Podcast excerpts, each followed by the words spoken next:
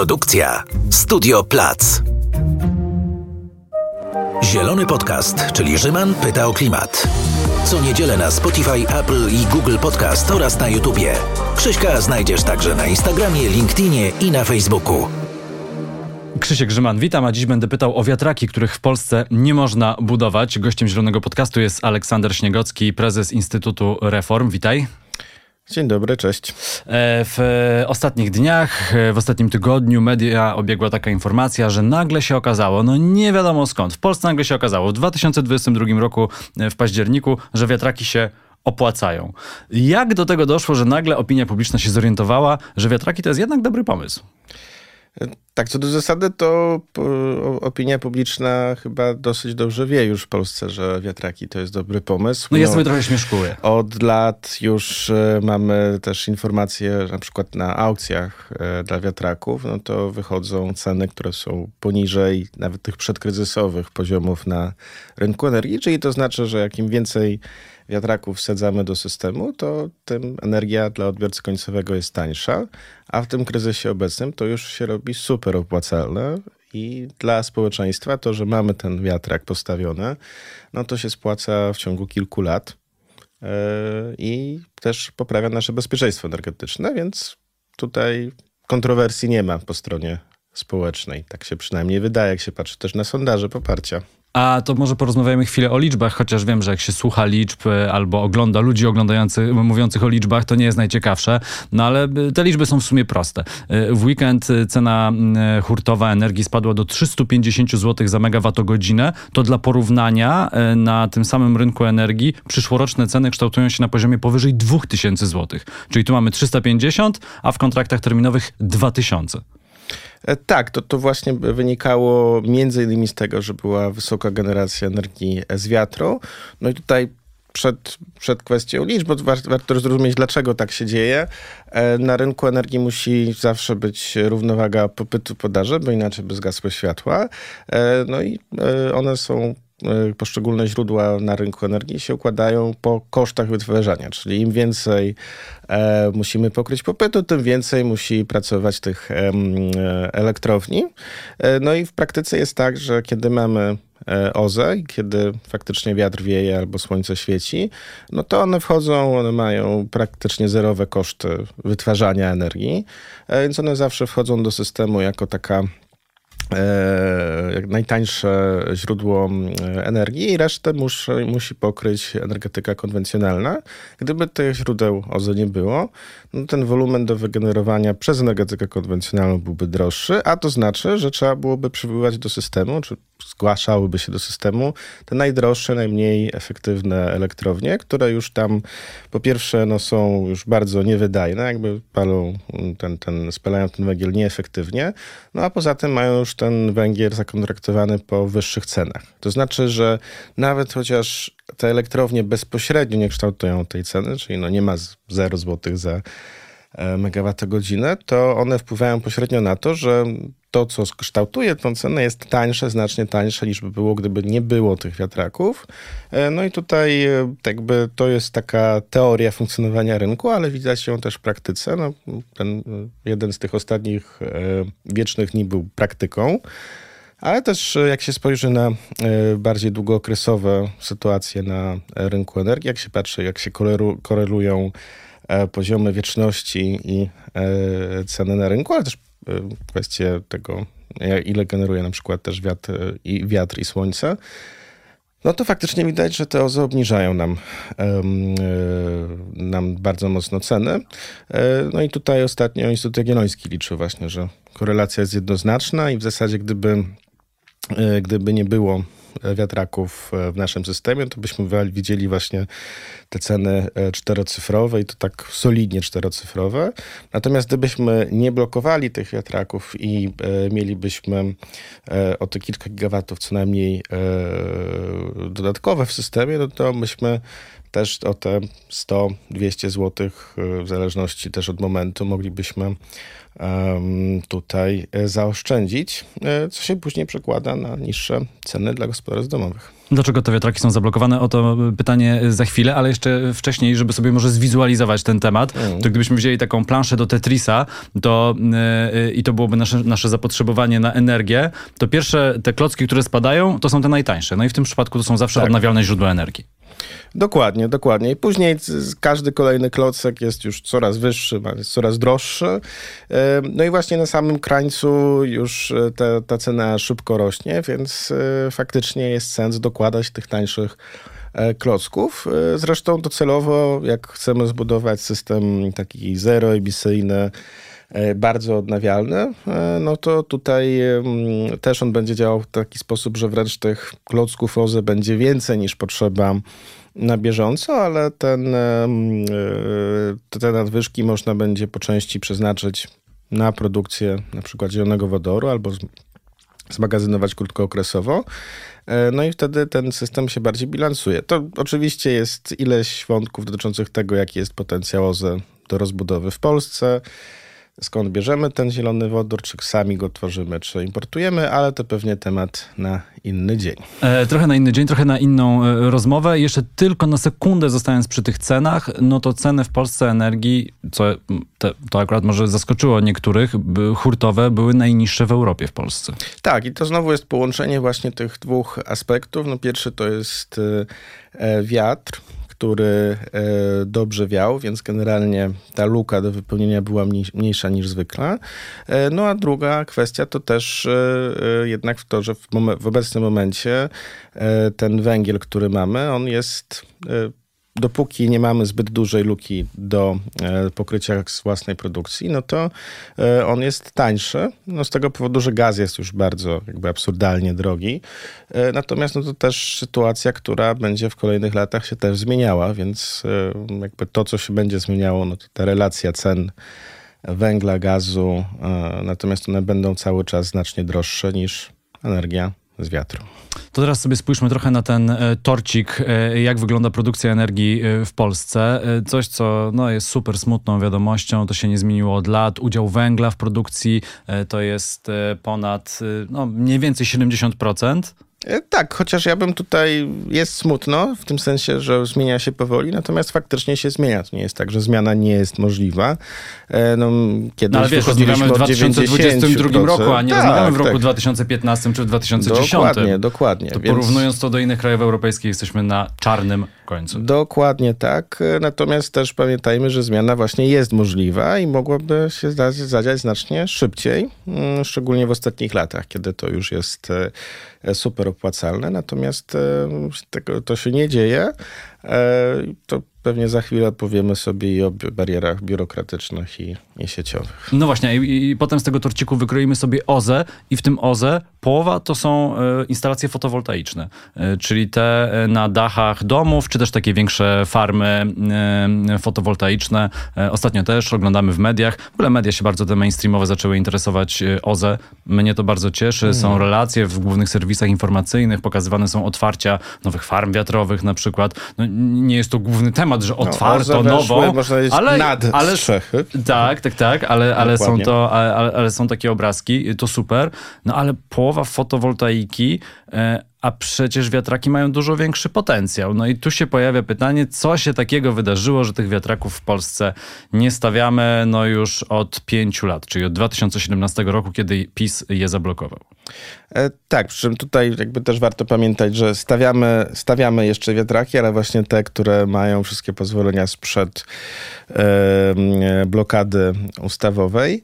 E, no i to jest właśnie ta tak zwana zasada 10H, czyli no to blokowanie budowy nowych wiatraków, e, przyznawania dla pozwoleń, e, jeżeli one są e, bliżej do zabudowy mieszkalnej niż tych dziesięciokrotność ich wysokości, co jest tyle zabawne, że smutne w zasadzie, że właśnie postęp technologii w wiatrakach między innymi polega na tym, że one się robią wyższe, efektywniejsze, dłużej pracujące, więc tutaj jeszcze jest bodziec do tego, żeby te wiatraki Mm, jakby wybierać te mniej efektywne e, technologie, ta, ta, ta zasada 10H to narzuca, a w praktyce to jest tak, że w zasadzie niemal cała Polska jest wyłączona e, jako z tej możliwości rozbudowy e, farm wiatrowych, chociaż jak się spyta obywateli, jak się spyta też lokalne społeczności, no to jest bardzo wiele miejsc, gdzie jakby są gotowi na to, żeby powstał wiatrak w okolicy. E, to po pierwsze, a po drugie też jak się pyta lokalne społeczności, gdzie już stoją te wiatraki, no to wcale nie ma takich negatywnych głosów. Nikt nie żałuje, że ten wiatrak stoi w okolicy, a wręcz sobie samorządy chwalą. No ale jednak jak były wybory w 2015 roku, to Jarosław Kaczyński jeździł po kraju i mówił, że wiatraki są B. E, Anna Zalewska, dzisiaj europosłanka, e, też wtedy mówiła, że wiatraki e, największe zło. Co więcej, to nie były takie mm, tłumaczenia związane ze środowiskiem. Tak? To nie były jakieś obawy o, nie wiem, na przykład ptaki. To chodziło w ich narracji przynajmniej głównie o krajobraz, że to będzie brzydko wyglądało. Tak, no jeszcze też, też się pojawia, że tutaj coś szumi, tak, że coś przeszkadza, natomiast no, jakby też na, nie wskazują na to znowu ani pomiary, ani później doświadczenia ludzi, jak już sobie tam mieszkają obok. Um, natomiast no, tutaj wydaje się, że to jest przede wszystkim taki bardzo niefortunny splot czynników właśnie o charakterze politycznym, że ta... Um, czy na zasadzie pojedynczy politycy, czy partia koalicyjna, która ma bardzo małe poparcie tak naprawdę, jak się spojrzy na jakiekolwiek sondaże. No to Czyli Solidarna tak, Polska? Dokładnie, no to w tym momencie no, uczyniła sobie z tych jakby z walki z wiatrakami e, istotny punkt programowy, no i w tym momencie żeby mieć większość, no to pojawia się ten problem um, z przegłosowaniem zmian w 10H, czyli jakby poluzowania tej zasady, która co do swoją drogą no wcale nie jest takim E, nie wiem, to nie będzie dziki zachód, że się będzie stawiało wiatraki gdzie się chce, tylko po prostu odblokowuje się możliwość, jeżeli e, jest to uzgodnione też e, ze społecznością lokalną. I nawet to jest jakby problem, żeby przegłosować. Tak naprawdę nie ma problemu, żeby przegłosować w Sejmie, no bo gdyby się pojawiło w Sejmie, to by przegłosowano, opozycja by poparła. Nie ma mm, większości, jakby ta obecna większość sejmowa no nie jest w stanie tego poprzeć jako większość. To wróćmy jeszcze do 2017 roku. W 2015 mamy wybory, wtedy PiS obiecuje, że wiatraki zablokuje. Dwa lata później rzeczywiście to się dzieje w Sejmie. No i można by jeszcze jakoś, no nie, w sumie nie można. Nie można tego w żaden sposób wytłumaczyć, ale można by na to spojrzeć na przykład z tej perspektywy, jaką dzisiaj mamy, pięciu lat i pomyśleć, ok, wiatraki y, zablokowali, ale zrobili coś innego w kierunku dekarbonizacji, czyli przejścia z naszej gospodarki, a szczególnie y, energetyki opartej e, na węglu w kierunku zeroemisyjnym. No tymczasem PiS tak naprawdę zrobił bardzo niewiele. Fotowoltaika się rozwijała przez dłuższy czas, tych instalacji jest ponad milion, przynajmniej tych prywatnych. To super, w kwietniu tego roku y, przycięto to, bo uznano, że to już za dużo dobrego i za dużo nowych instalacji do podłączania do sieci. Sieć tego nie wytrzyma. Co robiono przez te 5-7 lat z siecią? No to jest dobre pytanie. Y, no i w zasadzie w 2017 roku, jak blokowano te wiatraki, to ciekawe, co rządzący wtedy myśleli, jak my będziemy osiągać jakiekolwiek cele klimatyczne. No, no a jednak w Unii Europejskiej dokładnie. jesteśmy. Już pomijam tę y, drobną wiadomość, że mamy katastrofę klimatyczną, która się dzieje i, i, i napędza. Tak, zresztą jakoś przez lata było jakieś dziwne przekonanie, że cele unijne to jest jakiś wymysł, albo że nie są na serio, albo że po 20 roku ich nie będzie, albo że no jak będą, no to to już jest jakby ostatni raz jakby ustalony cel i jakoś się z niego wywiążemy, a potem o nim zapomnimy. I to za każdym razem. W 20 roku, jak były ustalane cele, później w 30 roku po raz pierwszy te 40% redukcji, później była dyskusja 55% redukcji, idące za tym wyższe cele OZE, które teraz mamy i widzimy, że e, no, to się będzie działo. No jak jeszcze teraz E, po wybuchu wojny też były jakieś pomysły takie, że zaraz to Unia po prostu skasuje politykę klimatyczną, bo wojna, bo kryzys. No się okazuje, że nie, no bo jedynym sposobem, żeby Europa uniezależniła się od um, gazu z Rosji, no to jest strukturalnie przyspieszenie inwestycji właśnie w efektywność energetyczną, więc co do zasady te zmiany coraz bardziej przyspieszają. E, a jakoś przez lata było takie przekonanie, że to, to jakby jest jakaś przejściowa faza i generalnie trzeba się opierać na węglu i wiatraki widziane jako jakąś konkurencję dla naszego polskiego węgla. a potem się nagle okazuje, że tego węgla już tak na styk jest dla energetyki, a tak dla szerszej gospodarki to brakuje i trzeba importować. A importujemy skąd? Z Rosji. Jak, jak przestaliśmy importować z Rosji, no to pojawia się problem logistyczny, żeby sprowadzić to z innych kierunków. No i tutaj wracamy znowu do problemu tego, że ktoś jakby na czuje tak naprawdę, bo chyba takie e, decyzje są podejmowane w pewnym momencie już na czuje przez polityków niestety, stwierdził, że no skoro są te wiatraki, których ileś osób nie lubi, jak się im postawi w okolicy domu, no to i te wiatraki zabierają miejsce pracy górnikom, co jest nieprawdą, ale tak sobie intuicyjnie ktoś pomyślał, no to przyblokujemy. I jesteśmy, gdzie jesteśmy. No właśnie, jesteśmy, gdzie jesteśmy i zróbmy teraz fast forward. Z 2017 roku do 2022 wybucha wojna, luty, straszna informacja. Dużo ludzi wtedy zaczyna się już zastanawiać, co z energetyką po tym, jak wprowadzimy embargo na węgiel, później embargo na inne paliwa. No w rządzie akurat wtedy było chyba jeszcze mało refleksji na ten temat, co się stanie, jak wprowadzimy to embargo.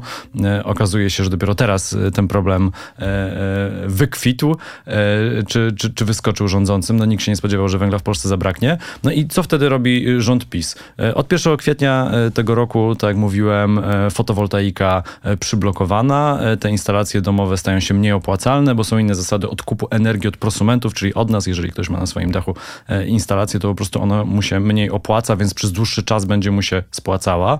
No chyba, że na przykład zainstaluje w bank energii. Też przy obecnych cenach to się może szybciej spłacić, aczkolwiek no, ale to, znowu jak się blokuje... Ale wiesz, w skali społeczeństwa to nie jest blokuje. żadna dobra tak, wiadomość tak, tak, naprawdę, no bo ktoś inny za to zapłaci, tak?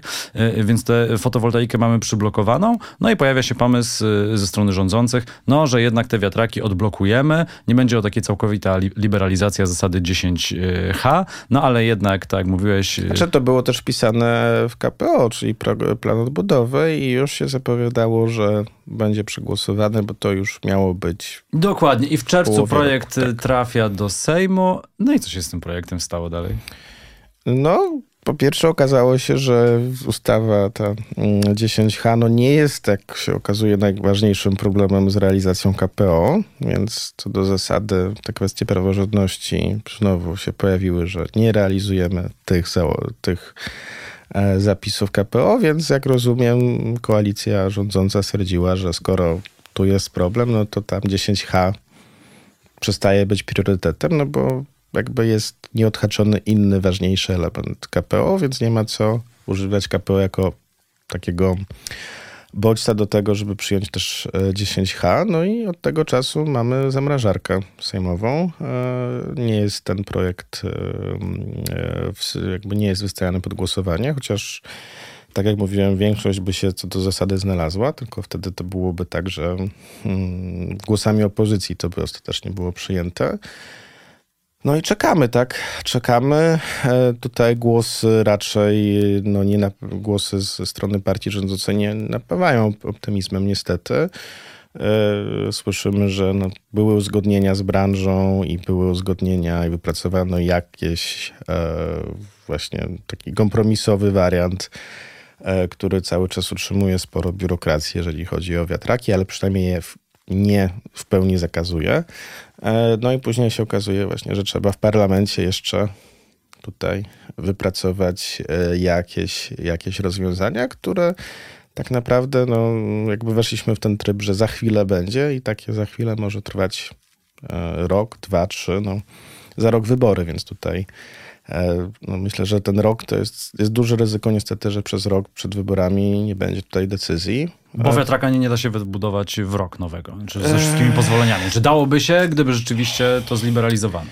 No, nawet by się nie dało w rok zbudować zupełnie nowego projektu wiatrakowego, no bo to trochę dłużej zajmuje, ale no faktycznie w, kwestii, w perspektywie dwóch, trzech lat ileś projektów by się dało odblokować i, one by weszły. Natomiast... Ale to już by było grubo po wyborach, to nie można byłoby się e, niczym chwalić.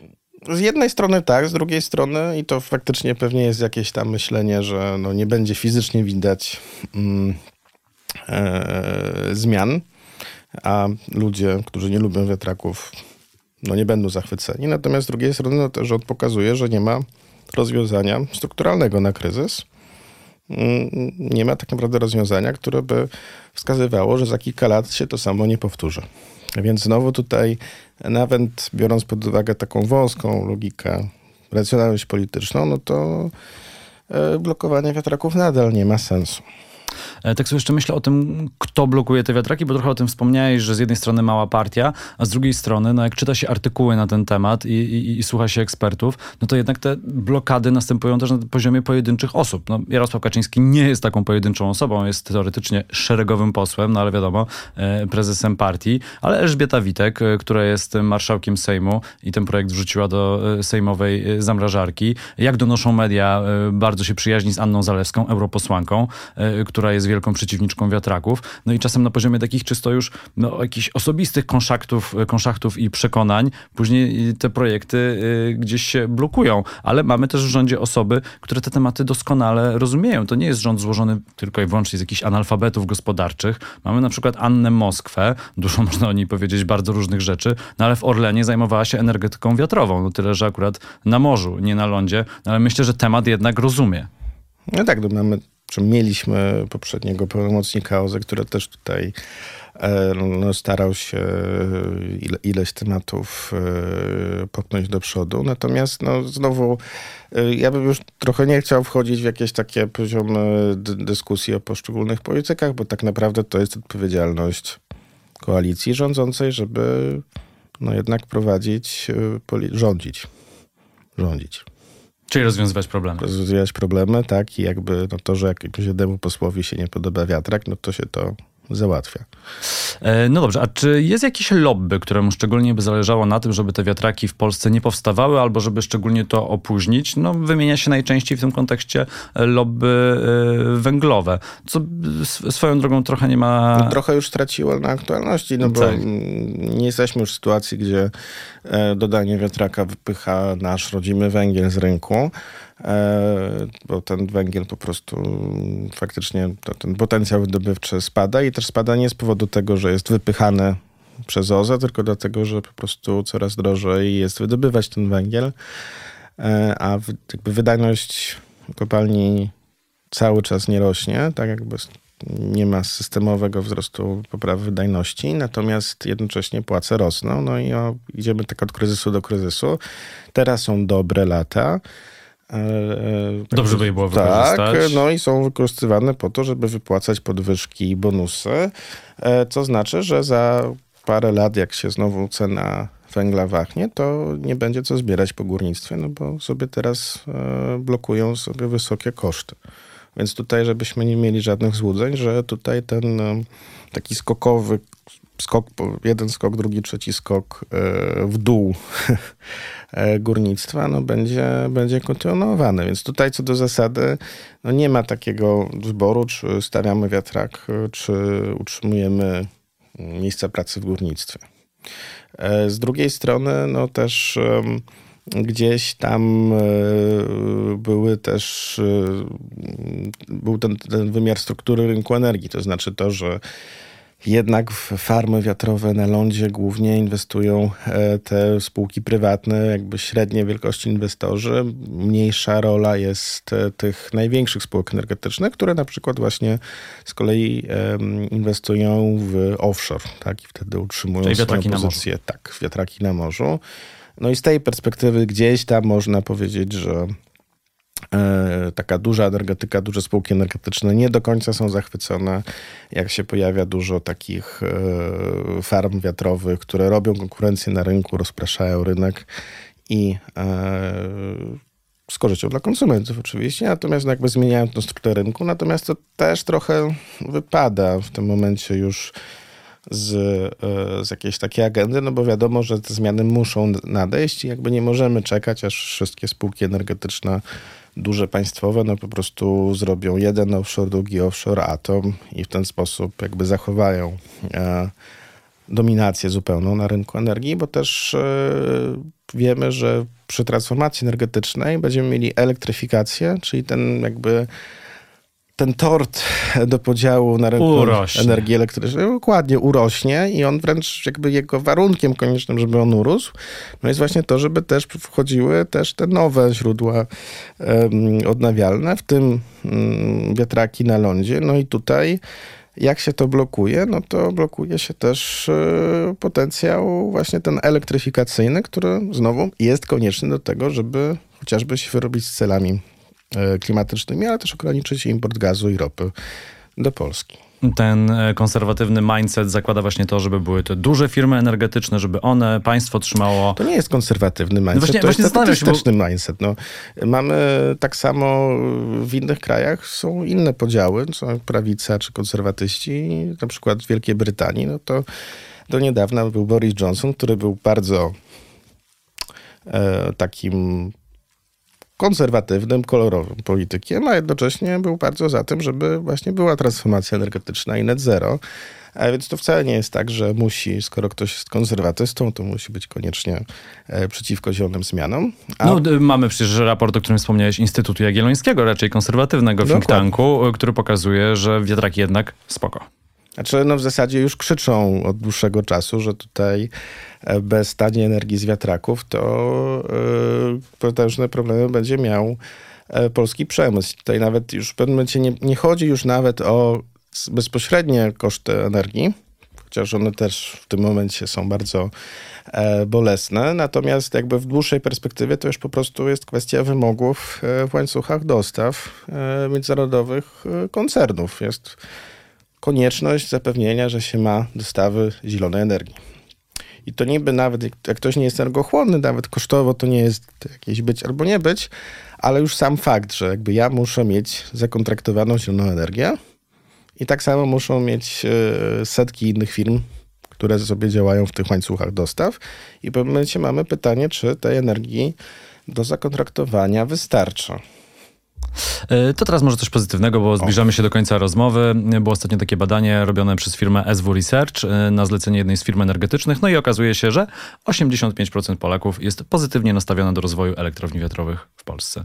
No i moim zdaniem to tak naprawdę mogłoby zamknąć temat. E, politycznie pewnie nie zamknie, bo mówiliśmy o tych tarciach, ale może w przyszłym roku po wyborach to po prostu nie będzie żaden temat do dyskusji. Tak, niezależnie od ich wyników, miejmy nadzieję, że się tutaj odblokuje. E, tak, no a wspomniałeś jeszcze o górnikach, którzy tracą pracę. To też jest y, ciekawy wątek, tak? No wiadomo, że ta branża górnicza musi się kurczyć, y, też te złoża, pomijając y, jakie koszty są wydobywania węgla z tych coraz niżej, trudniej dostępnych pokładów. Byłem w życiu dwa razy w kopalni, czołgałem się tam jakimiś korytarzami takimi niziutkimi, hardkorowa robota.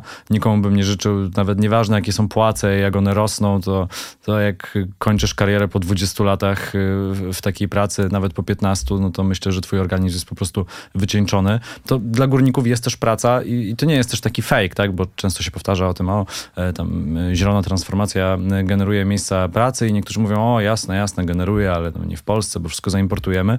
No ale chociażby przy instalacji farm wiatrowych czy paneli fotowoltaicznych to jest naprawdę praca, na którą mogą się przekwalifikować górnicy. Mm, tak, no i są już konkretne przykłady. No, tak, tak. Można sobie obejrzeć ileś materiałów już jest na ten temat. Oczywiście no, to też nie będzie tak, że wszyscy się jakby przeniosą bezpośrednio z górnictwa do, do sektora OZE, ale sektor OZE faktycznie będzie rósł i będzie tutaj jakby ułatwiał e, tę, tę transformację też na rynku pracy w tych, tych regionach węglowych. E, natomiast no, też raczej tak szerzej patrząc, no to wchodzimy raczej w ten okres, kiedy e, no nie mamy problemu e, strukturalnego wysokiego bezrobocia, tylko właśnie niedoboru rąk do pracy i potrzeby wykwalifikowanych e, pracowitych osób. No i tutaj jak najbardziej górnicy są bardzo też cennym zasobem pracy dla regionu. E, dotychczas górniczego, ale też przemysłowego. No Śląsk jest przemysłowy e, i tam w ostatnich latach, w ostatnich dekadach to przede wszystkim przemysł e, napędzał gospodarkę i właśnie ten przemysł potrzebuje pracowników, właśnie osób pracowitych, gotowych też do poprawy swojej kwalifikacji. Tutaj same długoterminowe pozytywy i dla regionu, i dla dla tych pracowników. No to na koniec jeszcze tylko jedno pytanko, bo myślę, że dla słuchaczy y, Zielonego Podcastu to ciekawe, jak usłyszeli na początku Instytut Reform. Czym jest Instytut Reform, bo to nowy think tank? Tak, powstaliśmy na początku roku, natomiast też w zespole mamy osoby, które pracują w temacie energetyczno-klimatycznym, ale ogólnie szerzej polityk publicznych już od wielu lat. No i tak mieliśmy pomysł, żeby trochę na nowo ułożyć sobie instytucję, e, która będzie się zajmowała właśnie takimi tematami, tematami długoterminowymi, e, kwestiami e, właśnie polityki publicznej, mądrej, planowanej na lata. No i w naturalny sposób naszym takim jednym z głównych tematów pozostaje temat tej transformacji do gospodarki neutralno-klimatycznej. No i tutaj nie tylko i nie tyle węgiel, ale też wszelkie inne elementy, o których właśnie, mm, jak się cały czas mówi o węglu i o tym, że jest reguła 10H, która nam blokuje, e, no to nie ma czasu porozmawiać, a to są, robią się bardzo pilne tematy, jak e, modernizować właśnie ogrzewanie, e, transport, jak zapewnić właśnie, żeby ten bilans emisji wyszedł na zero. To są tematy, gdzie Polska zresztą ma bardzo dużo do wniesienia, tylko za dużo czasu po prostu nam zjada ten tę dyskusję o węglu, którą już i tak powinniśmy zamknąć i zająć się budową nowej gospodarki, oczywiście włączając w to osoby z sektora węglowego. No super byłoby zmienić te tematy i porozmawiać już e, na inne. Szkoda tylko, że tak naprawdę tych starych tematów jeszcze politycznie nie zamknięto i stąd te ciągnące się dyskusje. Aleksander Śniegowski, prezes Instytutu Reform był gościem Zielonego Podcastu. Bardzo Ci dziękuję za rozmowę. Bardzo dziękuję. E, a ja polecam Zielony Podcast do słuchania, no i od niedawna także do oglądania co niedzielę na YouTubie. Krzysiek Grzyman, do usłyszenia. To był Zielony Podcast, czyli Rzyman pyta o klimat. Co niedzielę na Spotify, Apple i Google Podcast oraz na YouTubie. Pamiętaj, żeby subskrybować kanał. Nie przegapisz żadnego odcinka.